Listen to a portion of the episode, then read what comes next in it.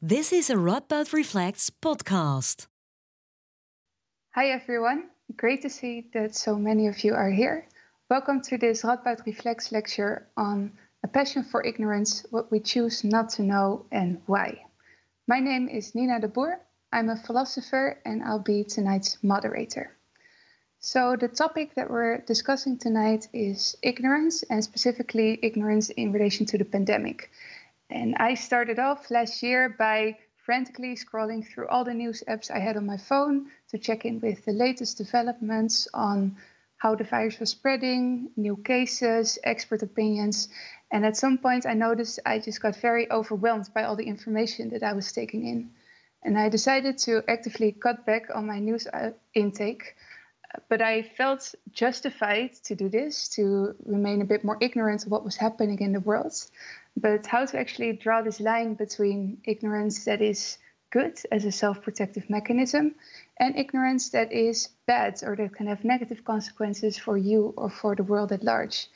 And what if people in power make use of structural ignorance to either uh, refrain from telling people what is happening in the world or by actively actively denying uh, what is taking place. So these are very important and relevant questions that we're going to discuss in tonight's lecture, and we have an amazing speaker who's going to tell us all about it. Um, but before I introduce her, a couple of practicalities. So uh, first, this lecture will start off by uh, a lecture by the speaker, and afterwards there will be room for discussion. And you can participate in this discussion by sending in your questions via menti.com. And here on the screen, you now see uh, the website you can go to and the code you can fill in. I can then uh, pick a couple of questions during the discussion that I can then impose to the speaker. Uh, please keep your questions short and concise. And if you feel uh, more comfortable to ask them in Dutch, that's also possible. Then I can translate them. I have my tablets here available and I can uh, see them all. Um, but then, without further ado, let me introduce the amazing speaker we have tonight, Professor Renata Salecl. Uh, she is a Slovenian philosopher, legal scholar, and uh, a sociologist.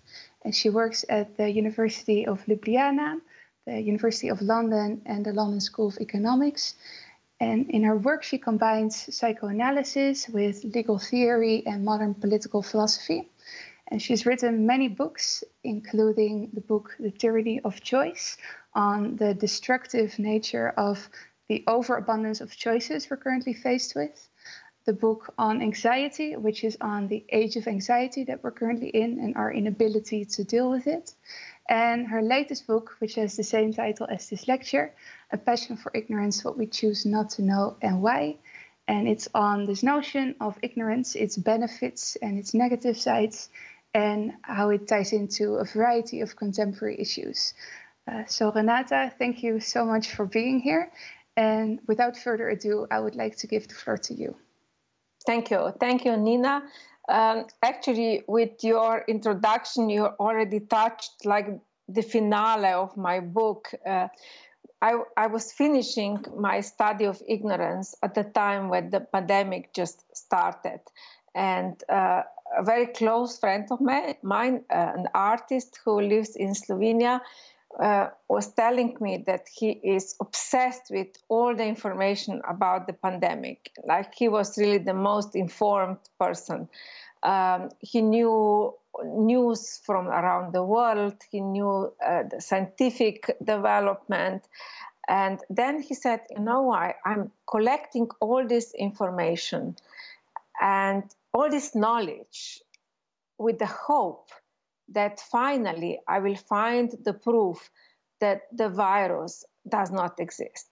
So, here for me was sort of like a really important point. Now, when you are uh, collecting knowledge, when you have abundance of, of information, it not, does not necessarily mean that you are emotionally dealing with this information in the way that you are sort of taking it in or you know in some way digesting it so a passion for ignorance is the term which uh, french psychoanalyst jacques lacan actually borrowed from buddhist scholars in the 50s, Lacan was uh, taking uh, lessons in Buddhism at Sorbonne. They had some visitors uh, from India, and he liked the idea of ignorance because it connected with what he was observing in his own practice.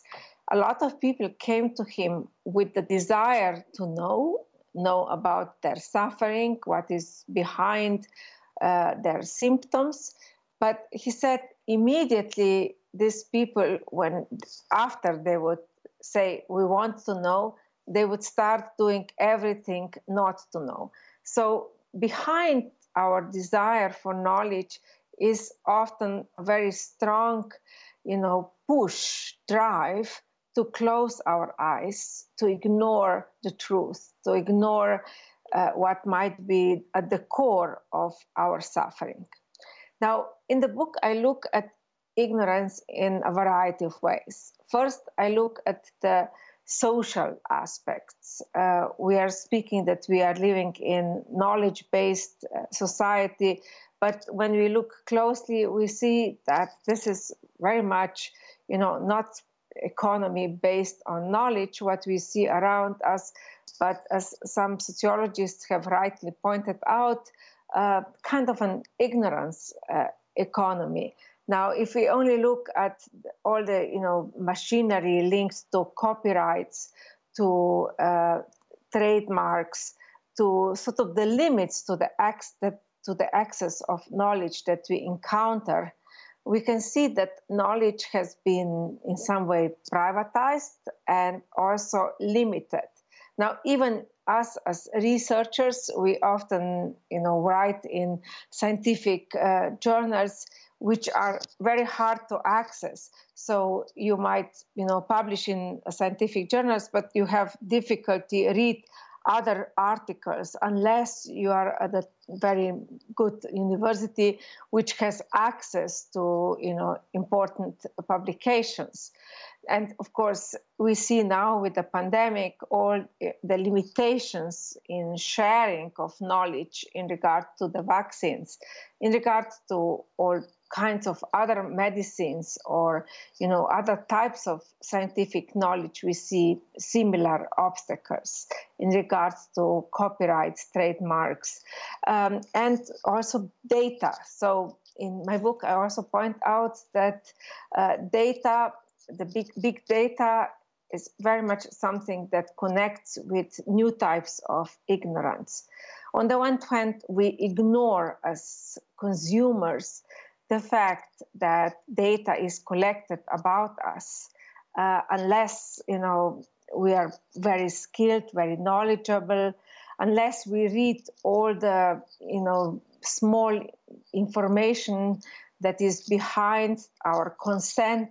We are constantly giving consent that our data is collected, sold, analyzed uh, without reading it, and some researchers have looked at uh, just the impossibility of understanding and reading the informed consent forms that we are constantly dealing with. Um, some are saying that we would spend like at least half a year reading all the forms that relate to our use of data and the way, in some way, data is collected about us. But on the other hand, we also, in, in some way, do not understand the mechanisms which are behind the collection of data. Uh, algorithms are opaque, they are in the hands of private companies. Um, majority of lay people do not understand how they function, but even people who have knowledge have do, do not have access to their formulas. So ignorance is very much driving this, you know, sort of economy which claims to be based on knowledge. Now, even more important are structural mechanisms of ignorance uh, related to how capitalism is functioning today. Um, corporations very much rely on ignorance uh, especially when we are dealing with some major disasters, uh, ignorance is very much used as an excuse when, for example, corporations are trying to uh, avoid responsibility. We have seen that uh, many times in the history, let's say when British Petroleum um, a little bit over 10 years ago had the accident in the Gulf of Mexico uh, with the oil spill. They were all pretending in this corporation that they did, they did not know what was happening. Now, of course, the question quite often is whether it is true that the people in the top do not know. Maybe people lower in the hierarchy in the corporation do not inform that them. But quite often the case is that you know people in the top of the corporations are informed, but that they pretend that they do not know. So this kind of structural types of ignorance are at work in the, the way mechanisms of power are functioning. Now, with the pandemic, we have seen quite a number of structural types of ignorance in this last year. Um, when the pandemic started, China played their own type of sort of structural ignorance. Uh, doctors who were warning the authorities in China were pushed aside, removed uh, from the positions to talk to the media. They have been, their knowledge, their warning was ignored. China was in their own way closing their eyes from the start of the pandemic, but other countries followed. Now, when we embrace ignorance, it might very well be that we create an alternative sort of explanation for our blindness. So many countries denied the impact of the pandemic onto them, onto their nation, by claiming that they are somehow superior uh, we have seen this kind of explanations um, last year in Turkey when Turkish President uh, Erdogan was at the beginning of the pandemic, uh, you know, sort of embracing some ideas related to sort of Turks being, you know, maybe a stronger nation, media related, very closely related to uh, Erdogan in Turkey was promoting the idea that Turks have a very, you know, distinct genetic make, which makes them uh, more immune to the pandemic. Uh, some media were also promoting particular kind of food. Some sheep soup was, you know, praised as potential, you know, boosting uh, thing for uh, their immune system. Uh, even, you know, further in uh, in the Arab world, uh, we have seen similar theories. Uh, in Jordan, some scientists were writing about Jordanians and Arabs in general having a particular, you know, genetic protection from uh, COVID. Uh, we have also seen in Mexico their president uh, claiming that you know the virus is not affecting them strongly and encouraging uh, people going to restaurants, uh, living life as normal.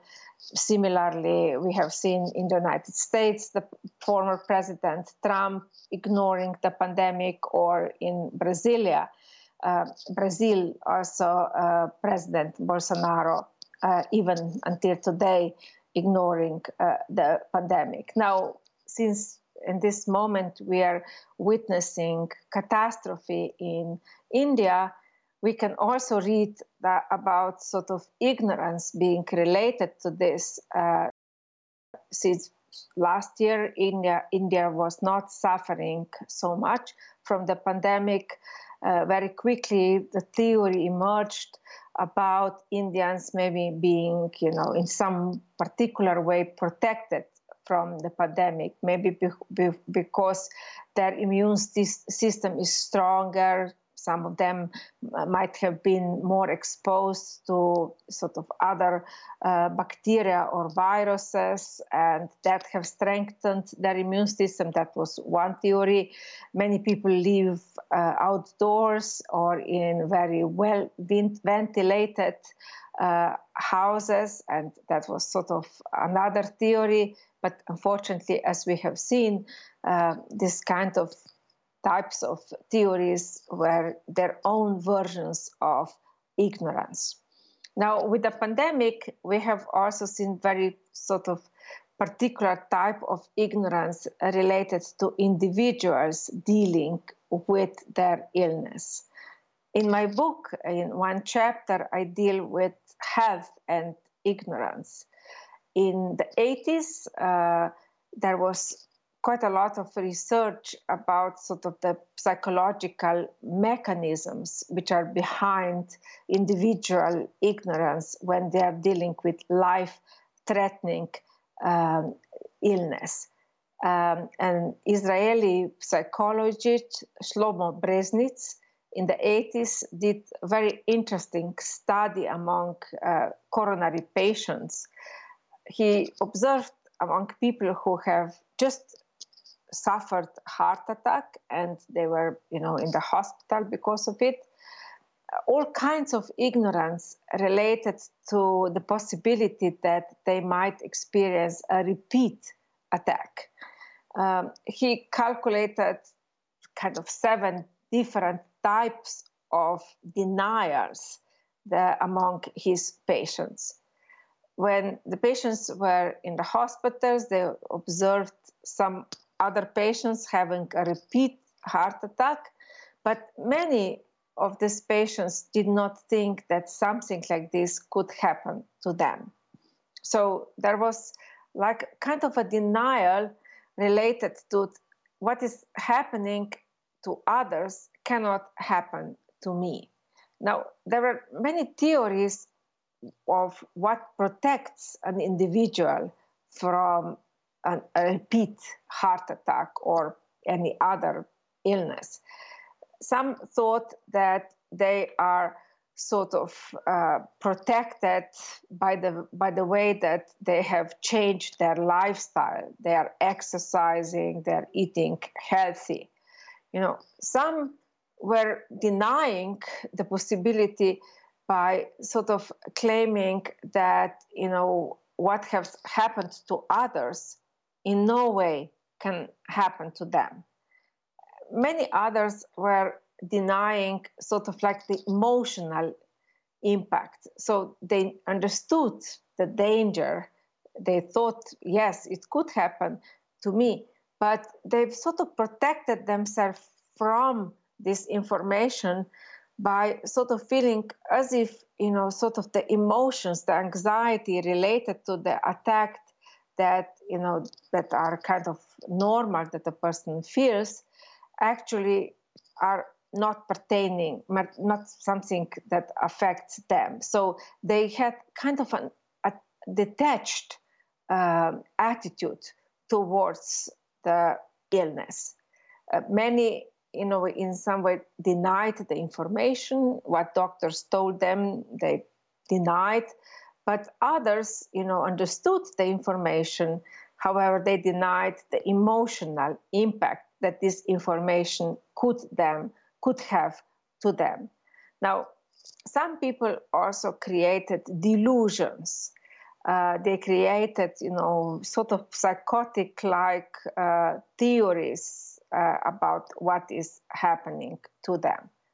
Now, with the current pandemic, we observe very similar type of deniers. Uh, some people have, you know, a lot of information about the, the pandemic, but they behave as if, you know, the the coronavirus, the infection, uh, cannot touch them. They, some people might feel that they are protected because they are exercising a lot, they are living very healthy.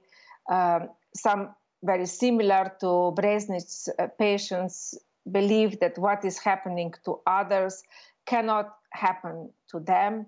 Some have sort of like the lack of urgency, like when they are experiencing uh, some symptoms related to their health, they delay seeking health help as if you know they don't want to notice you know sort of like what is happening in their body.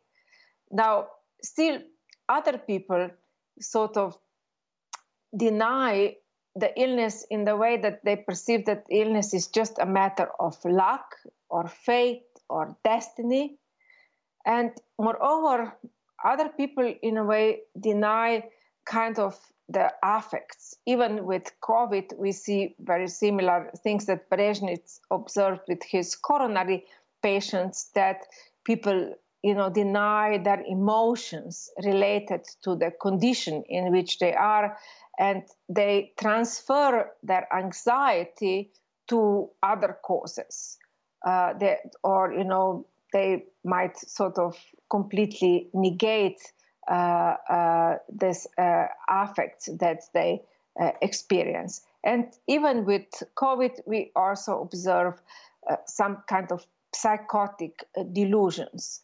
Uh, so some psychiatrists have, you know, observed that people are creating um, delusions uh, also about them being protected from the virus in, in Germany uh, psychiatrists have been written about uh, cases of delusion. Uh, an interesting case was a man who felt that his uh, phone got infected by a Chinese uh, computer virus. And in his mind, this infection of the phone was actually protecting him to be infected from coronavirus. Now, when we observe, observe this kind of uh, denials on the side of the individuals, we have to see that ignorance and denial and also negation might be very helpful for people.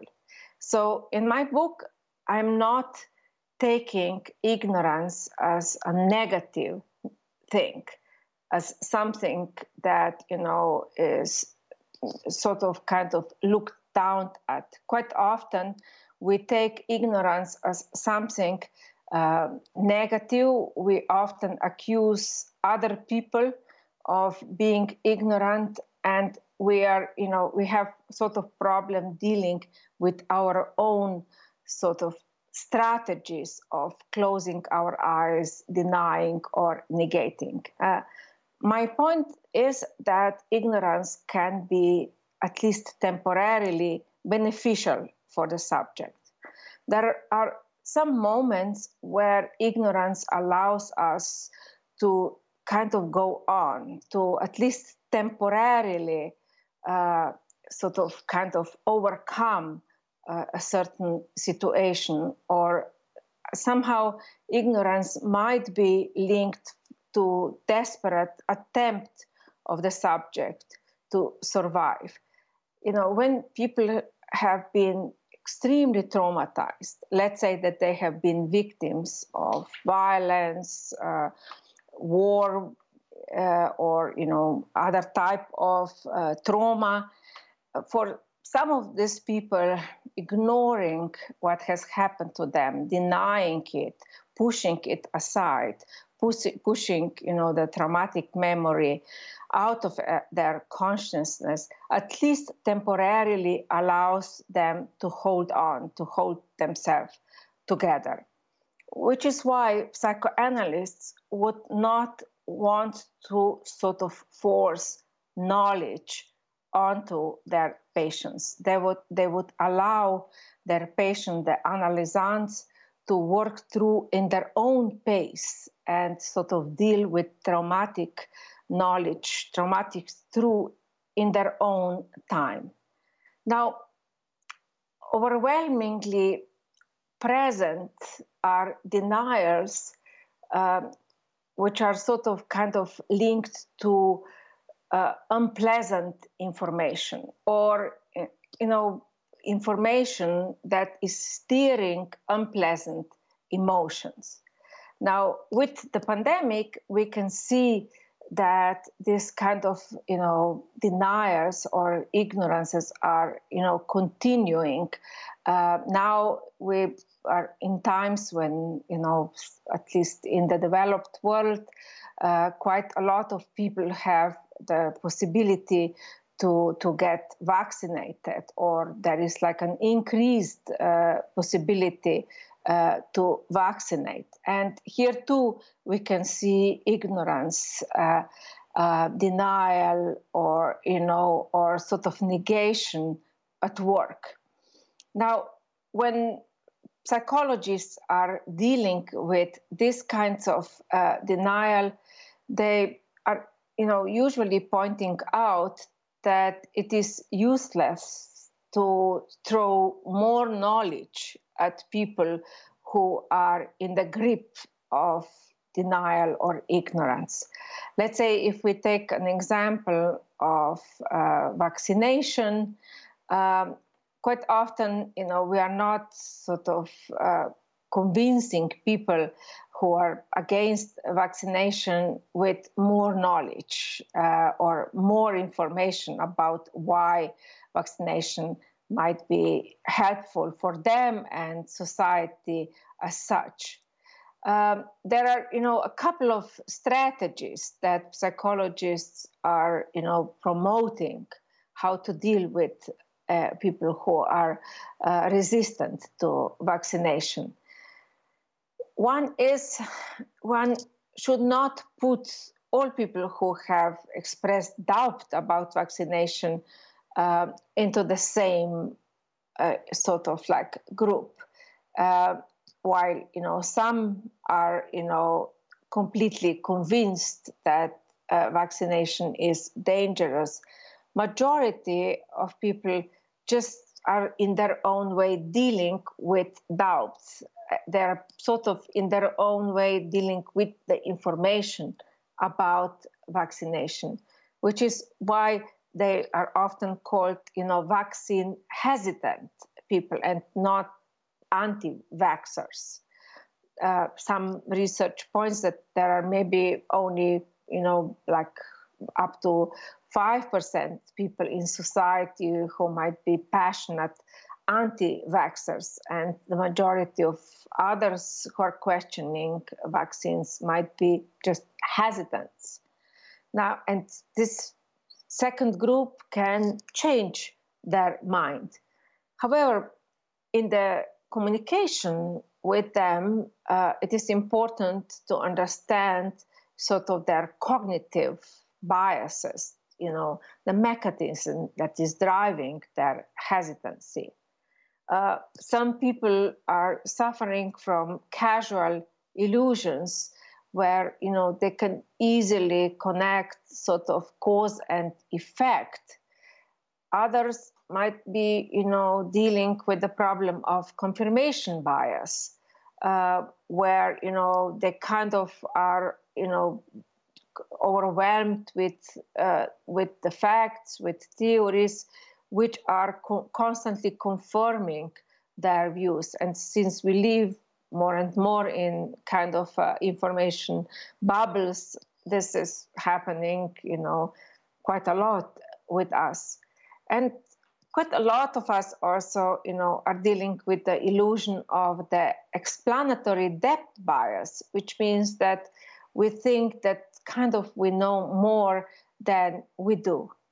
So when I'm sort of speaking about the pandemic, I want to point out that, you know, in some way, with the pandemic, we are dealing with ignorance, doubt, uh, strategic also ignorance, but also in, like an individual ignorance, which is not so different from the type of ignorances that we have dealt before.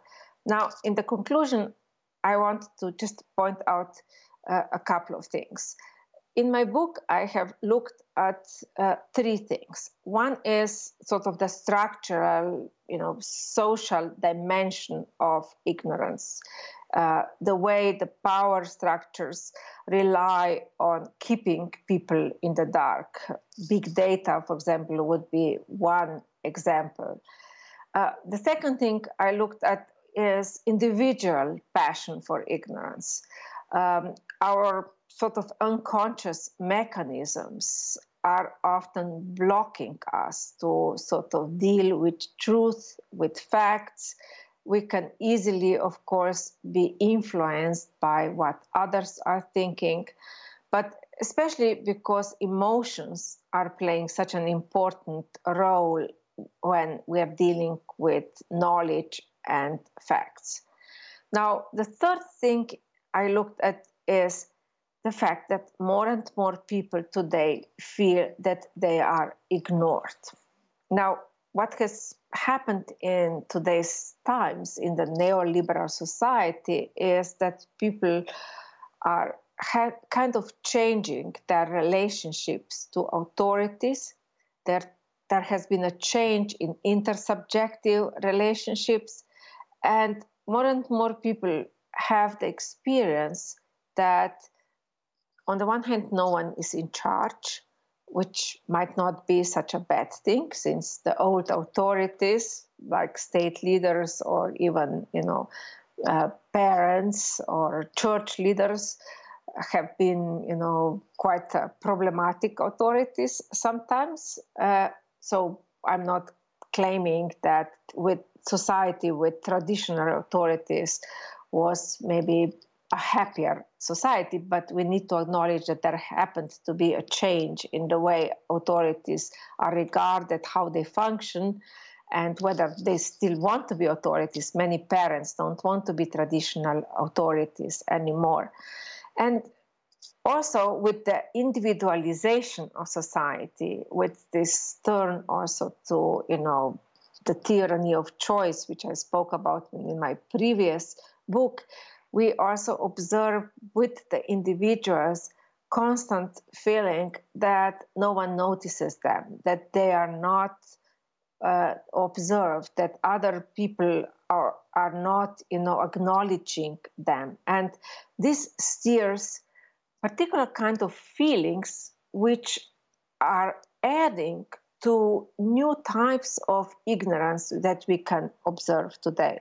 And just as my kind of final point, I want to point out that one of the questions that I'm dealing at the very end of the book is, you know, the question of what is the passion behind uh, not only our kind of embracement of conspiracy theory or fake news, but let's say our passion to share them, to promote them some interesting studies looked at the question of why people are sharing fake news or conspiracy theories.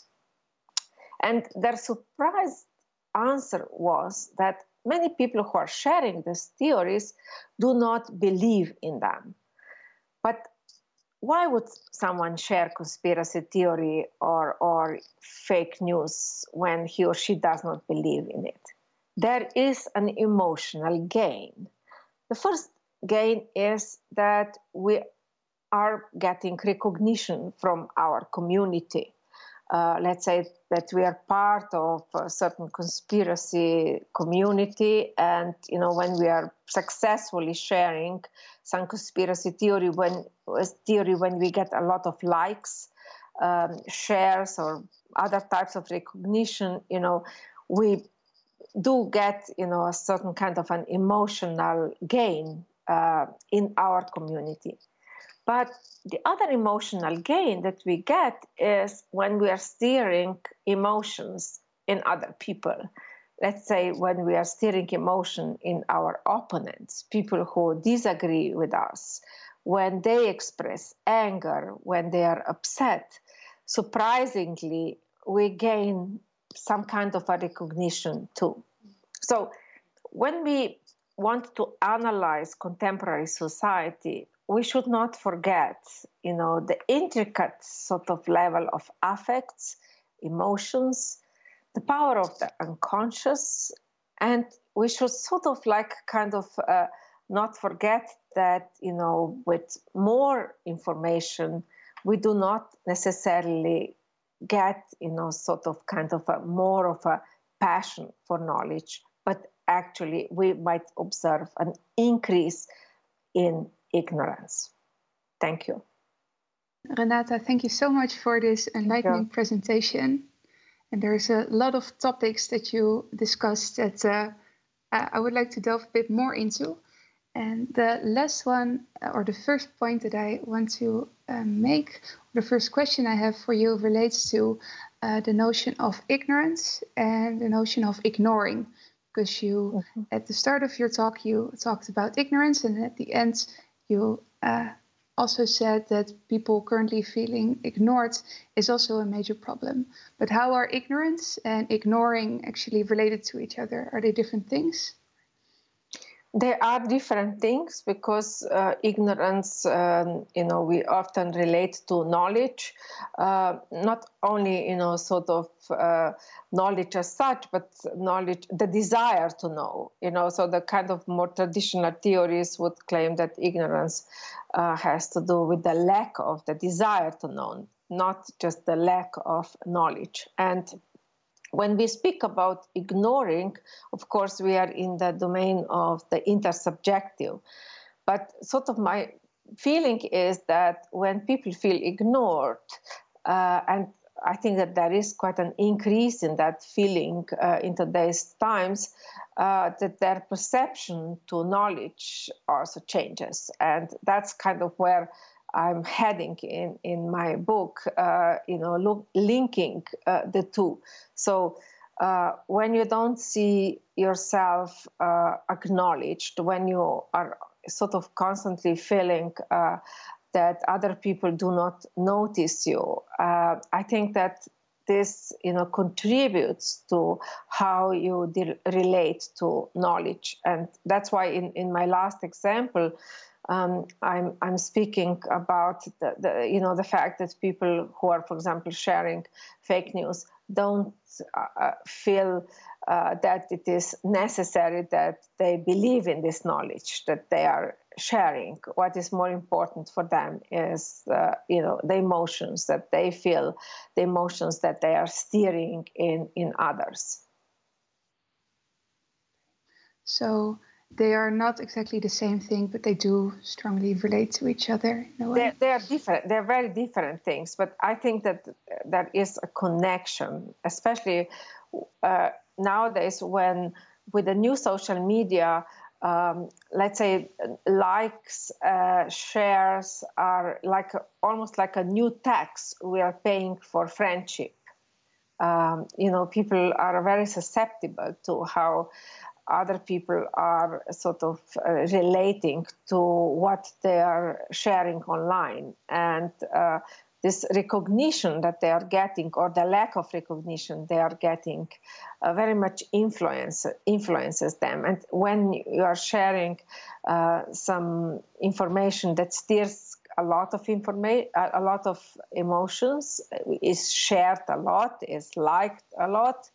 Um, I think that this recognition that you're getting contributes to how you sort of interact and you know sort of what kind of further information or disinformation you want to share with others. Yeah because that ties in uh, with another point that you raised during the talk namely this idea of people sort of i don't think you explicitly mentioned the term echo chamber but that people um, sometimes that it's bad for people when they people have doubts about certain things, for example, vaccination or um, their belief in the existence of a virus, even that it's uh, they're not really good if they're all together in the same space that they can maybe reinforce their beliefs.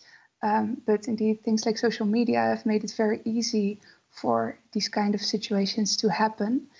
And is it then still possible to sort of combat this ignorance when, once it has come to such a point that there is such a close group of people who feel a certain way? Uh, combating it is very difficult um, unless we uh, address the emotions which which are behind. uh, in echo chambers, uh, people are fed um, information that you know kind of confirms their existing uh, beliefs, and uh, it is as if you know a child who likes uh, eating sweets would constantly get sweets only from his parents, no other presumably health, healthy food. So um, I don't think we can battle uh, with these echo chambers uh, in the way that we are throwing more information at people or trying to convince them otherwise. So, you know, so first would be uh, addressing the, their emotions uh, and maybe, you know, increasing uh, their doubt. Now, in psychoanalysis, we know that it is really important that people are full of doubt uh, you know, when people do not have doubt, we might deal with the, with people who have a structure of psychosis, people who have certainty uh, about you know that they are observed or that someone is surveying them or whatever might have a kind of a particular uh, you know delusions which are impossible to, to crack so yeah the first step would be uh, to try to you know encourage people uh, to look a little bit at other information and to sort of increase their doubt. You know any serious scientist knows the value of of doubt. And uh, and you know kind of even when we deal with with vaccines or with virus there is nothing wrong to you know to have doubt about it. It is just you know the question of you know whether uh, we are willing to to look at informations uh, in in the way that you know we we get as many uh, viewpoints as possible, or we're kind of enclosing ourselves in into the small echo chambers, and we feel better about our already existing beliefs. But that's an interesting point that you raised. That indeed it would be good for us, for society in general, if people maybe would embrace doubt a bit more. And uh, this maybe also ties in with the claims you made before that we're like in this uh, knowledge economy and we feel that, um, yeah, we need to know everything. Um, but then when is, um, so when you say that we have to embrace doubting a bit more or maybe embracing the fact that we don't know certain things, um, where do we then draw this line between okay well these are things that i just uh, stay away from knowing more about also because it may like make me feel better but also other things where i actually do what should have more information on. So can we um, make this decision between sort of good and bad ignorance in specific cases? Um, I think it would be difficult to speak about uh, good and bad ignorance. Uh, as I said before, for some people, ignorance might be life saving, saving, and you know we would not fall in love without at least a little bit of ignorance. So even to keep our desire, emotional, uh, like uh, romantic uh, sort of feelings alive uh, in, in love matters, in particular, closing our eyes, uh, ignoring some things uh, might be quite essential. Um, also, in our intersubjective relationships, uh, sometimes ignoring someone might be helpful. We are teaching parents to, to use uh, time out, as, which is like a form of ignorance uh, when they are, you know, kind of dealing with uh, naughty children. So uh, intersubjectively, you know, we use ignorance uh, in terms of you know what it, the second uh, term which I'm speaking about in in my book, like the intersubjective term of uh, ignoring. Uh, but I think that in regards to information, we are living truly in in the in the time of massive amount of information. However. Um, if we don't sort of like embrace doubt uh, in regard to what search engines are presenting us, um, if we don't know about sort of like the algorithms which are behind the knowledge which is which is sort of presented to, to us then unfortunately you know we are kind of living in the echo chambers which we are we spoke about before which is why it's so important for us to understand sort of like the basics of uh, the big data or the algorithm at least kind of like the basic behind it. And, uh, and for us also another problem is that yeah, we quite often escape anxiety um, when let's say when we are dealing with some information that is hard to crack quite often we feel anxiety. Let's say when you don't understand something, uh, when you're trying to uh, uh, read a very difficult text, uh, for example, you experience a certain kind of anxiety in regard to, to, to this knowledge. Now, today, the danger is that we can easily escape this anxiety and, you know, go search for answers very quickly online which might be an obstacle to deal with sort of like important questions, which is why you know we need to sometimes endure uh, certain anxiety which is related to our lack of knowledge, or uh, at least sort of a kind of uh, uh an anxiety which is related uh, to the impossibility uh, to know. Um, now, the medieval philosopher Nicholas de Cusa was speaking about learned ignorance. Uh, his idea was that there are, you know, things that we cannot know, and sort of understanding, you know, the lack of our knowledge or the impossibility to know is maybe like the first step to overcome ignorance. Hmm. Could you specify that a bit further then? Because indeed, um, it seems to me indeed like if I have a if I have a question and I don't know it, it's indeed like for me it's a very logical first step to then Google something, example. Um, but do you think that there's something bad in, or not necessarily bad, but that um, it would be helpful not to um, then have that knowledge to be to feel a bit more comfortable with this doubt, or that it in general would be good if we would not uh, take so much information in as we currently do.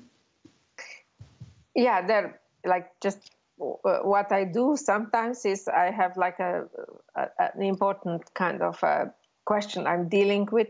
I look through two search engines. Uh, if I look through Google, I will get uh, one set of answers, you know, on the top of my list. And if I look at DuckDuckGo, which is my preferred search engine, I would get completely different uh, sort of like type of uh, information you know at least uh, the hierarchy of how the information will come to me will will be completely different uh, so sometimes it's good to to look uh, you know a little bit broader because google or you know other search engines might very well uh, remember your patterns of of search, which is uh, why even you know people who are buying uh, flight tickets are smart to to uh, to to you know hide their previous searches or you know use different computers or whatever you know to get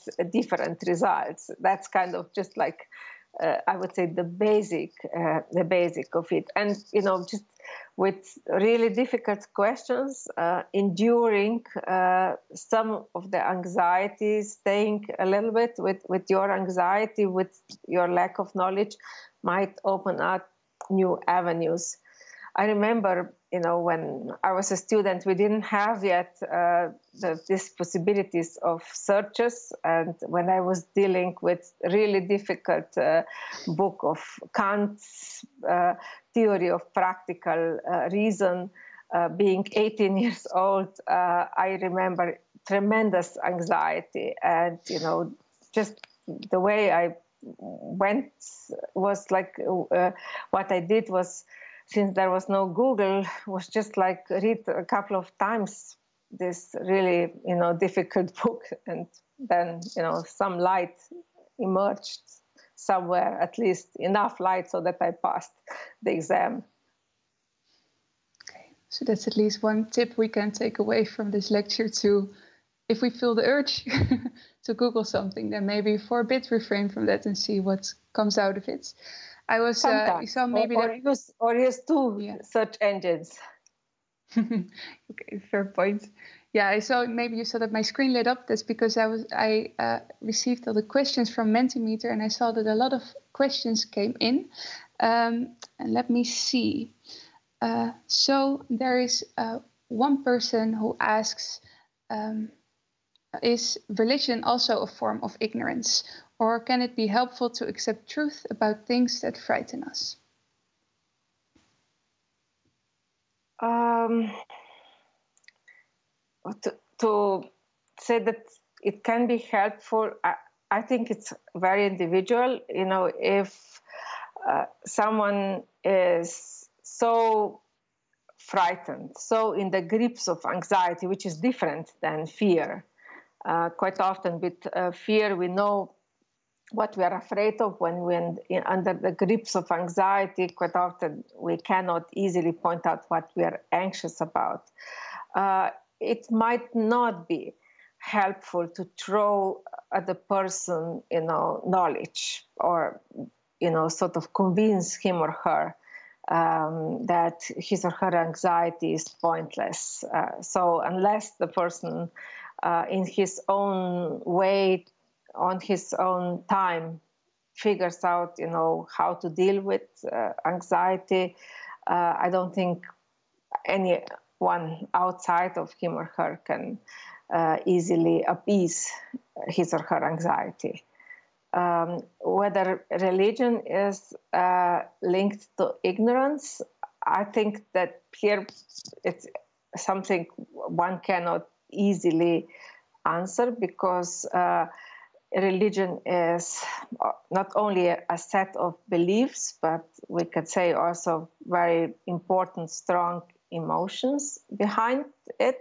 So I would say that uh, in the universe of a religion, a religious person, uh, things you know stand uh, differently than in the universe of a person who is not religious, and which is why I would not want to um, use the term ignorance being associated with religious beliefs. They're different, let's say, views of uh, our life, universe, uh, different perceptions of knowledge, and for some people, it might be, you know, also emotionally very helpful, beneficial if they have the strong beliefs, and while for others, it might not. So it really depends on the person and if they and, and feel that religion context. works for them. Yeah. Yeah. Okay. Thanks. Let's see. Okay, this is um, uh, this is a, a nice question. Um, so, if you could choose, would you want to be more intelligent and more knowledgeable, or rather far less intelligent and more ignorant about the world? So, is ignorance bliss? Sometimes it is. Uh, it might be um, not only for um, uh, less intelligent people, but also for very intelligent people. Um, in my book, I give an example of the woman who is super intelligent, one of the sort of like uh, Mensa uh, person in the United States, presumably with one of the highest IQ. And I read an interview with her, and she was asked how come that she never sort of sort of like made it in the way that she didn't become like a top scientist or something in, in her life with such incredible IQ. And she said that actually her problem is that she is not able to ignore things, that she has a massive amount of information about a lot of things. She's you know, uh, memorizing so many things, but she is not able to make a hierarchy.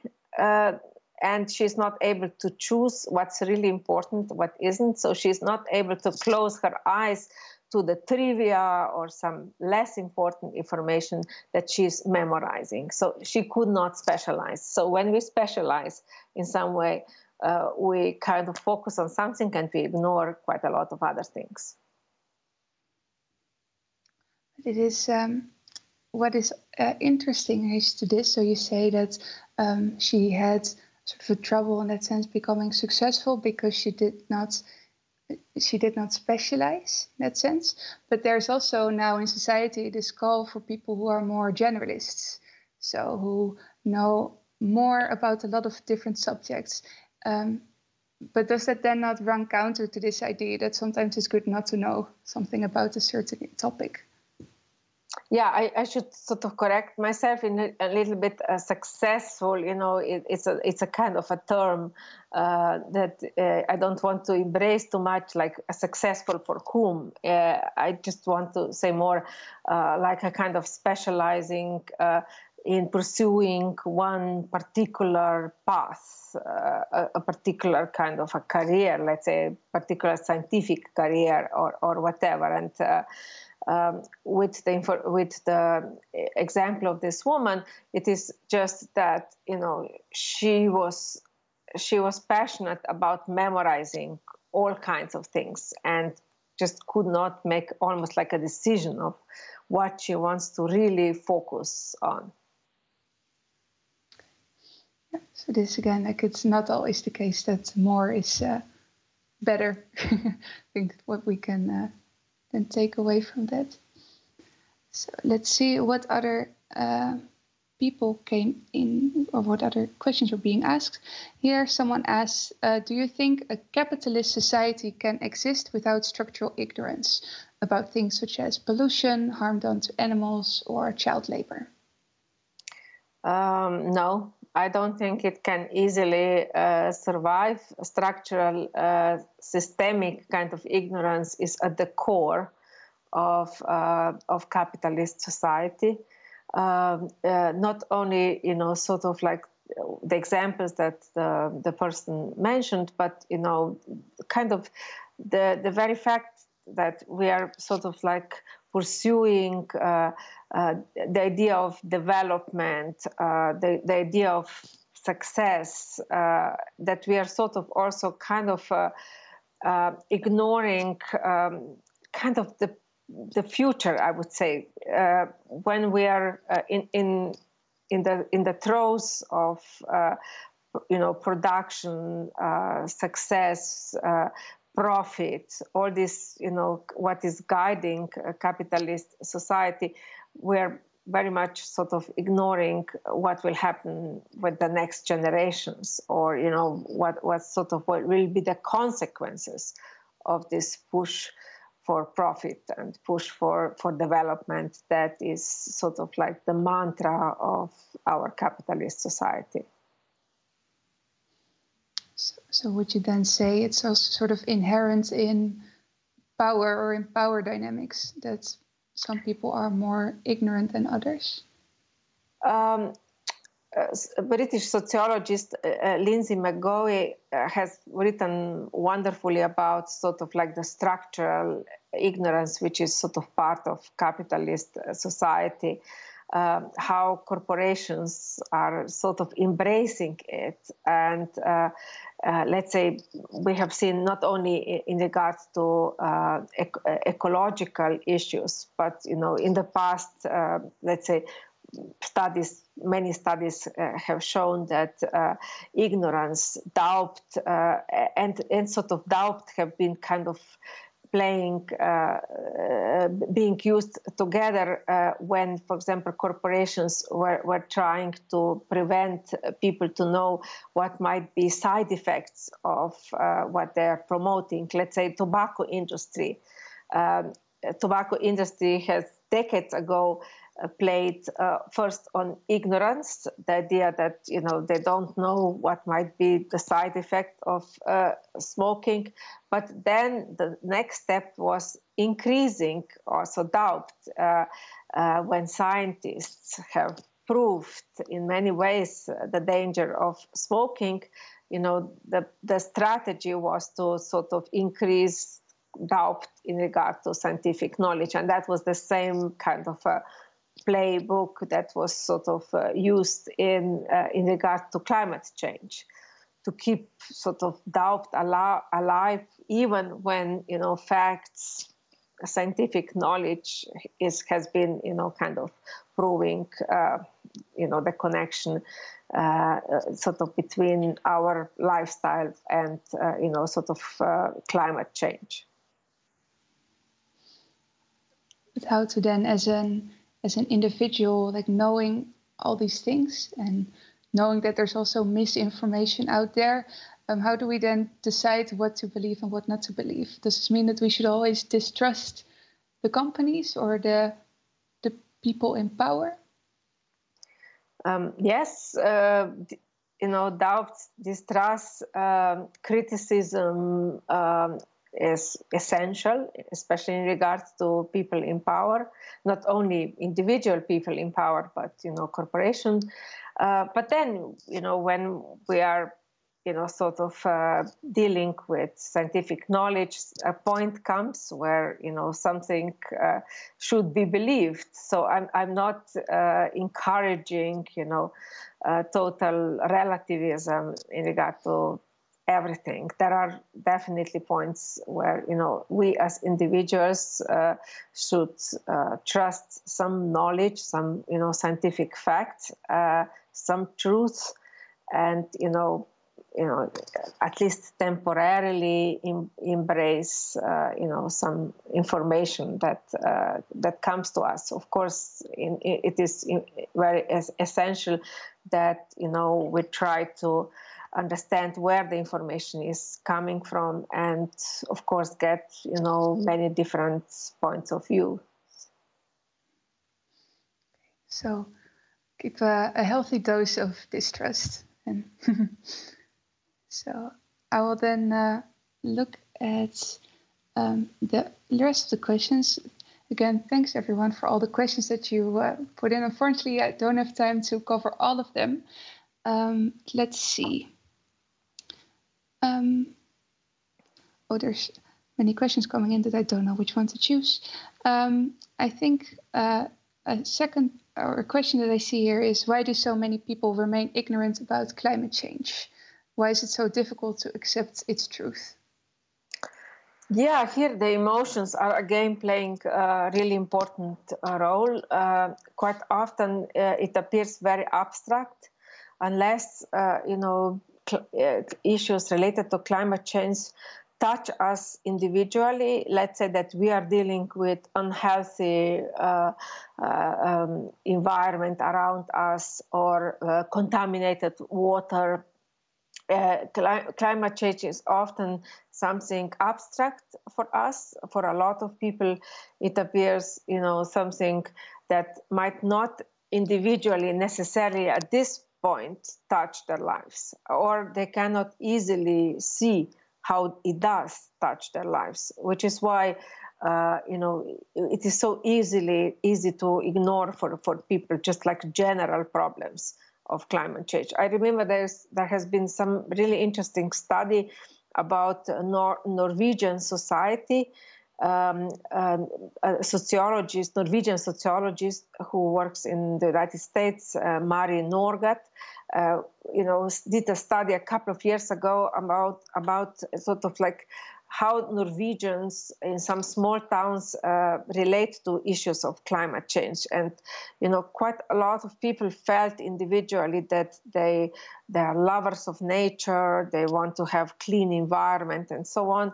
But, you know, as sort of like social beings in their community or in, in the state, they have not been do, doing much or they have not been pushing much for sort of like changes in regards to you know how their country was dealing with with climate change because they knew that the success their economic success relies uh, on oil industry uh, you know this was done uh, about 10 years ago when you know Norway was not making you know kind of yet such important steps that they are doing trying to do nowadays to invest you know money in clean energy and so on. And so people had have had a lot of fear that their well-being, that uh, the the richness of their country will be diminished if you know sort of there are sort of global changes in regards to uh, fossil fuels. So you could love nature, you can be very attentive to the issues of ecology in your private life, but publicly you might be quiet or you might ignore because of the fear that the, your idea of progress or you know the well-being of your society uh, might not continue in the future if society deals you know more rigorously with the issues of climate change so again this notion of fear that comes in in uh, our decision to stay ignorant yes or no I, um, I think I've, there's time for one more question. Um, so uh, this question, uh, this person states, uh, the fact that some people know how much inf- how, know much information but pretend as if they don't know is a matter of strategic ignorance. But how can you uh, distinguish strategic ignorance from normal ignorance? yeah, strategic ignorance uh, is often linked to power. So we can we can observe it uh, in in the way uh, corporations are keeping in dark, uh, you know, the the population uh, in regard to their practices. This is quite often sort, of the case, especially you know when they are polluting, uh, or you know when when their practices involve uh, all kinds of sort of let's say questionable things. So this is like a strategic ignorance. Uh, now. Uh, normal ignorance is a difficult term I don't think there exists something like a kind of a normal ignorance. I would say that uh, for the individual, as I said before, um, ignorance uh, might might be uh, a, a, way uh, in the way you know he or she deals uh, with with something that he cannot easily comp- comprehend. That might be like kind of a, a normal ignorance on an individual uh, basis. But in regards to, let's say, society as such, um, the kind of the attitude towards knowledge, whether uh, the pursuit for knowledge is is encouraged or not, uh, you know, that might be you know, kind of another way where we deal with sort of normal ignorance. Let's say Donald Trump was a president who, in a way, encouraged, I would say, certain kind of uh, ignorance. And uh, what was his uh, strength was also that um, he had no shame or did not kind of express shame in regard to um, his his ignorance. It might be that you know we, we, we feel shame or or guilt in regard to our lack of knowledge but uh, when we don't feel that, ignorance is more easily, I would say, normalized um, than it would be otherwise. So, um, maybe as a last question to wrap all of this up, because um, you, um, in your lecture, you sketched quite a lot of problematic uh, points with respect to ignorance and how people have been misinformed in relation to the pandemic, etc.